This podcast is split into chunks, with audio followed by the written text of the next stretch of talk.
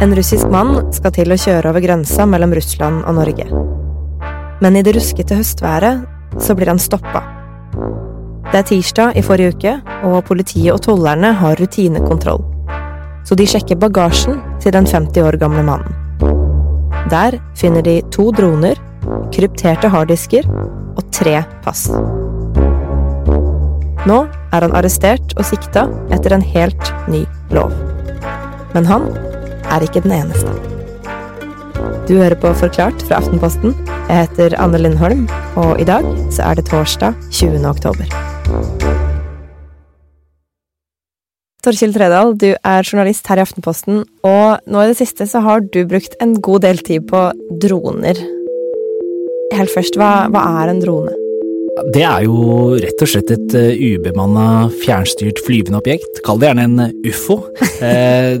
Eh, det kan være alt fra smådroner på under 250 gram, små svirrende mygger, til eh, større ubemanna bombefly som vi har sett i Ukraina f.eks.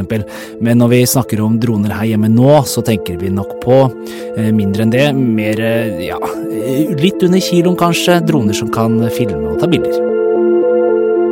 Og siden Russland invaderte Ukraina i februar i år, er det blitt ulovlig for russiske statsborgere å fly noen slags drone i Norge. Men det betyr ikke at ingen russere har flydd drone her siden den gang. Det er ganske lett å bli dronepilot i Norge og registrere seg som det. For å fly drone så må man registrere seg på nettstedet flydrone.no, også utlendinger må det.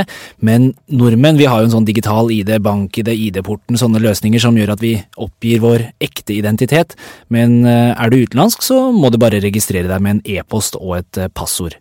Eh, men det er jo også mulig for oss nordmenn å gjøre, og det har jeg prøvd. Å ja? Hva, hva gjorde du? Jeg logget meg inn med brukernavn og passord, kalte meg, fylte ut et sånt skjema da, med fornavnet Ole Dole, etternavnet Doffen, sa at jeg var født i år 1900, og så betalte jeg 220 kroner. Og etter det så får jeg tilgang til nettkurs og en sånn digital eksamen på 40 spørsmål. Og det kan hvem som helst gjøre? Det kan hvem som helst gjøre. Og hva får du gjort da med en sånn eksamen? Da vil jeg oppfylle kravene, så jeg kan fly en drone på opptil 25 kilo. Og så må jeg jo følge reglene for hvor jeg kan fly, men det er ingen som vet hvor jeg flyr, hva slags drone jeg har, eller som fanger opp om jeg har oppgitt mitt ekte navn. Men vet vi hvor mange som har gjort det, da?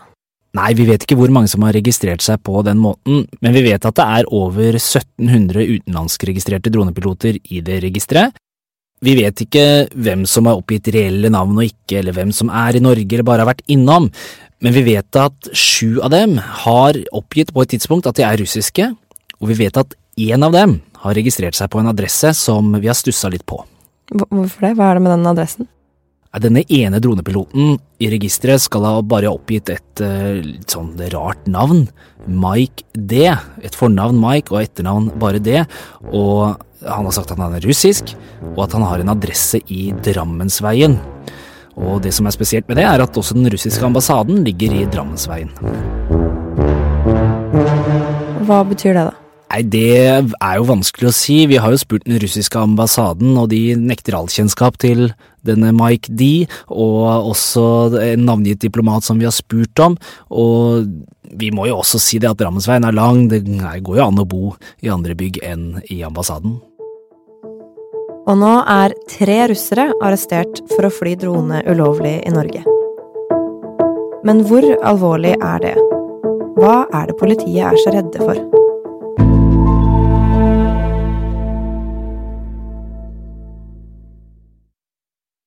Hvis du ser for deg norgeskartet, så kan du i løpet av de siste dagene plassere nyheter om droneobservasjoner og pågripelser som små, røde lys fra Kårstø i sør og til Storskog i nord.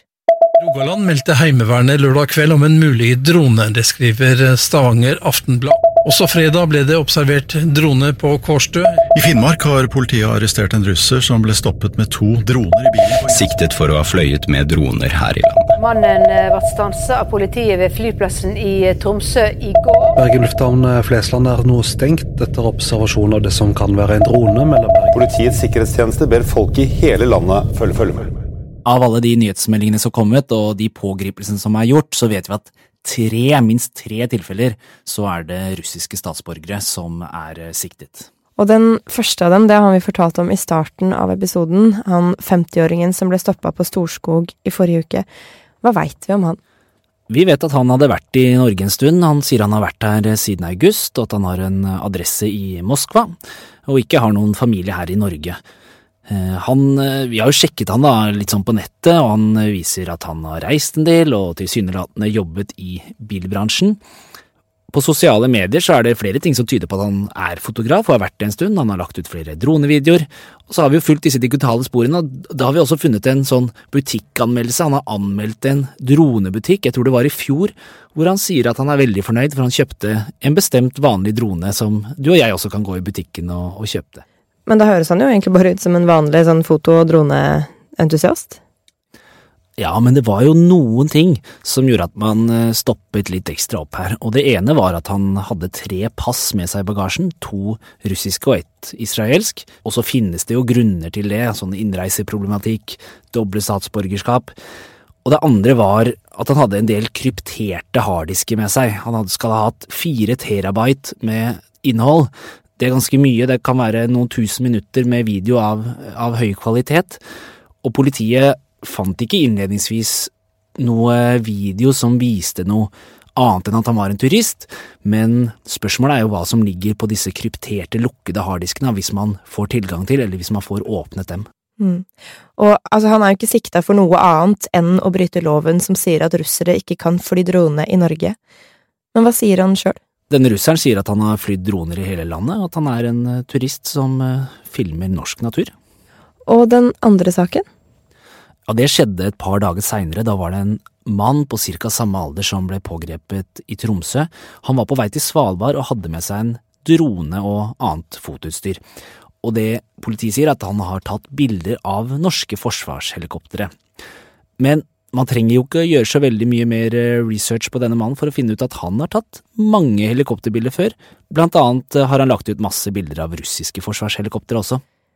Ja, og i går så fikk vi jo beskjed om at enda en russer er arrestert med drone, denne gangen på Svalbard. Eh, en 47 år gammel mann som også, viser det seg, er sønnen til en alliert av Putin. Og det benekter han og presseteamet hans at han skal ha hatt noe med Putin å gjøre. Men det har vært flere andre meldinger også. Hva er alle de? Noe av dette kan være vanlige foto- og droneentusiaster, ikke sant, som har tatt eh, bilder av noe de tilfeldigvis ikke skulle ha tatt bilder av. En del av meldingene om eh, droner over flyplasser og oljeinstallasjoner er vanskelig å få verifisert, både om det i det hele tatt var droner, hvem som sto bak, om det var russere eller noen helt annen, og hva som var hensikten med det.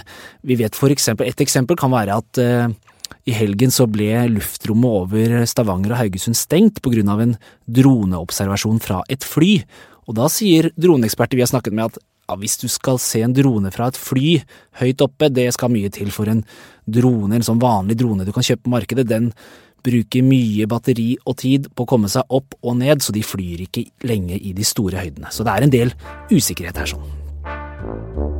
For i tillegg til de tre dronekjørende russerne, så er det fire andre russere som også har blitt arrestert i Norge. De har blitt eh, arrestert fordi de har tatt bilder. Det er ikke kommet noen bekreftelse på noen drone her, så mest sannsynlig er det snakk om vanlig foto. Og det skal være De er jo sikta da for å tatt bilder av eh, skjermingsverdige objekter, uten at man kan gå så veldig mye mer i detalj på hva det er. Hva kan det eksempel være? Man kan jo se for seg at det kan være militærinstallasjoner, andre ting som det ikke er lov å ta bilde av. Så nå er til sammen seks russiske statsborgere arrestert i Norge. De er sikta for å ha tatt bilder av ting som ikke er lov å ta bilder av. Eh, og så har du de her som er bare sikta for å fly drone som de ikke har lov til. Hva sier russiske myndigheter om det her?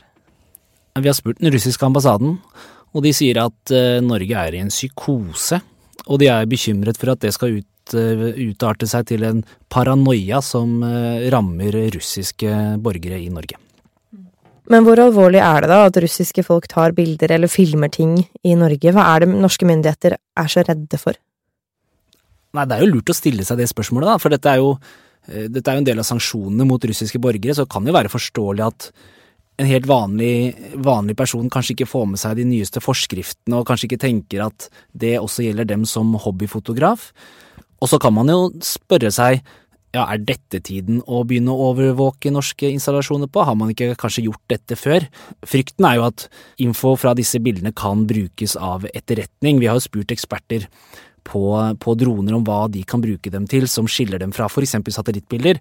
Og det er jo denne videokvaliteten, ikke sant, at du kan komme tettere på objekter, filme dem, eh, ta bilder, sånn at du kan kartlegge enda mer i detalj, eh, til at man kan bruke det til, til å gjøre skade. Og eksperter vi har snakka med, sier jo at i verste fall så kan jo droner brukes til å løfte ting, eksplosiver, utstyr som kan ødelegge. Samtidig så kan jo dette også være en del mer uskyldige greier. Eh, du kan jo tenke at en hobbyfotograf fra Russland kanskje ikke tenker at dette forbudet mot å fly rammer hans drone, og mange av oss vil jo kanskje tenke at Russland har hatt mange år på å kartlegge hvorfor skulle de nå, når beredskapen er høyna, bruke tid på å forstyrre og overvåke våre installasjoner.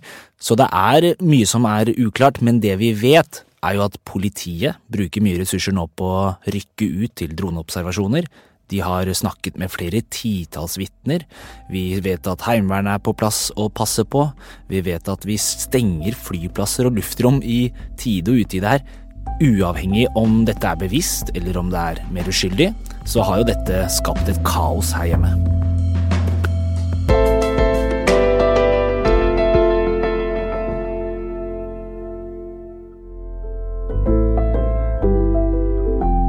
Du hørte Torkjell Tredal fortelle om russerne som er blitt arrestert i Norge.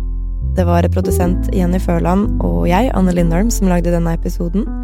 Resten av Forklart er Anders Weberg, Marit Eriksdatter Gjelland, David Vekoni, Synne Søhol, Marte Spurkland og Fride Nesten Onsdag. Du hørte lyd fra NRK. Hei! Jeg heter Trine Eilertsen og er sjefredaktør i Aftenposten. Krigen i Ukraina har allerede forandret verden og Europa. Vi i Aftenposten beskriver, forklarer og analyserer, og det skal vi gjøre i mange år fremover. Men akkurat nå dekker vi krigen ved å være i Ukraina. Vi verifiserer bilder og videoer, vi leter etter egne kilder som kan bekrefte det som skjer på bakken. Vi er der selv. Hvis du vil følge med på dette fremover, må du gjerne lese Aftenposten.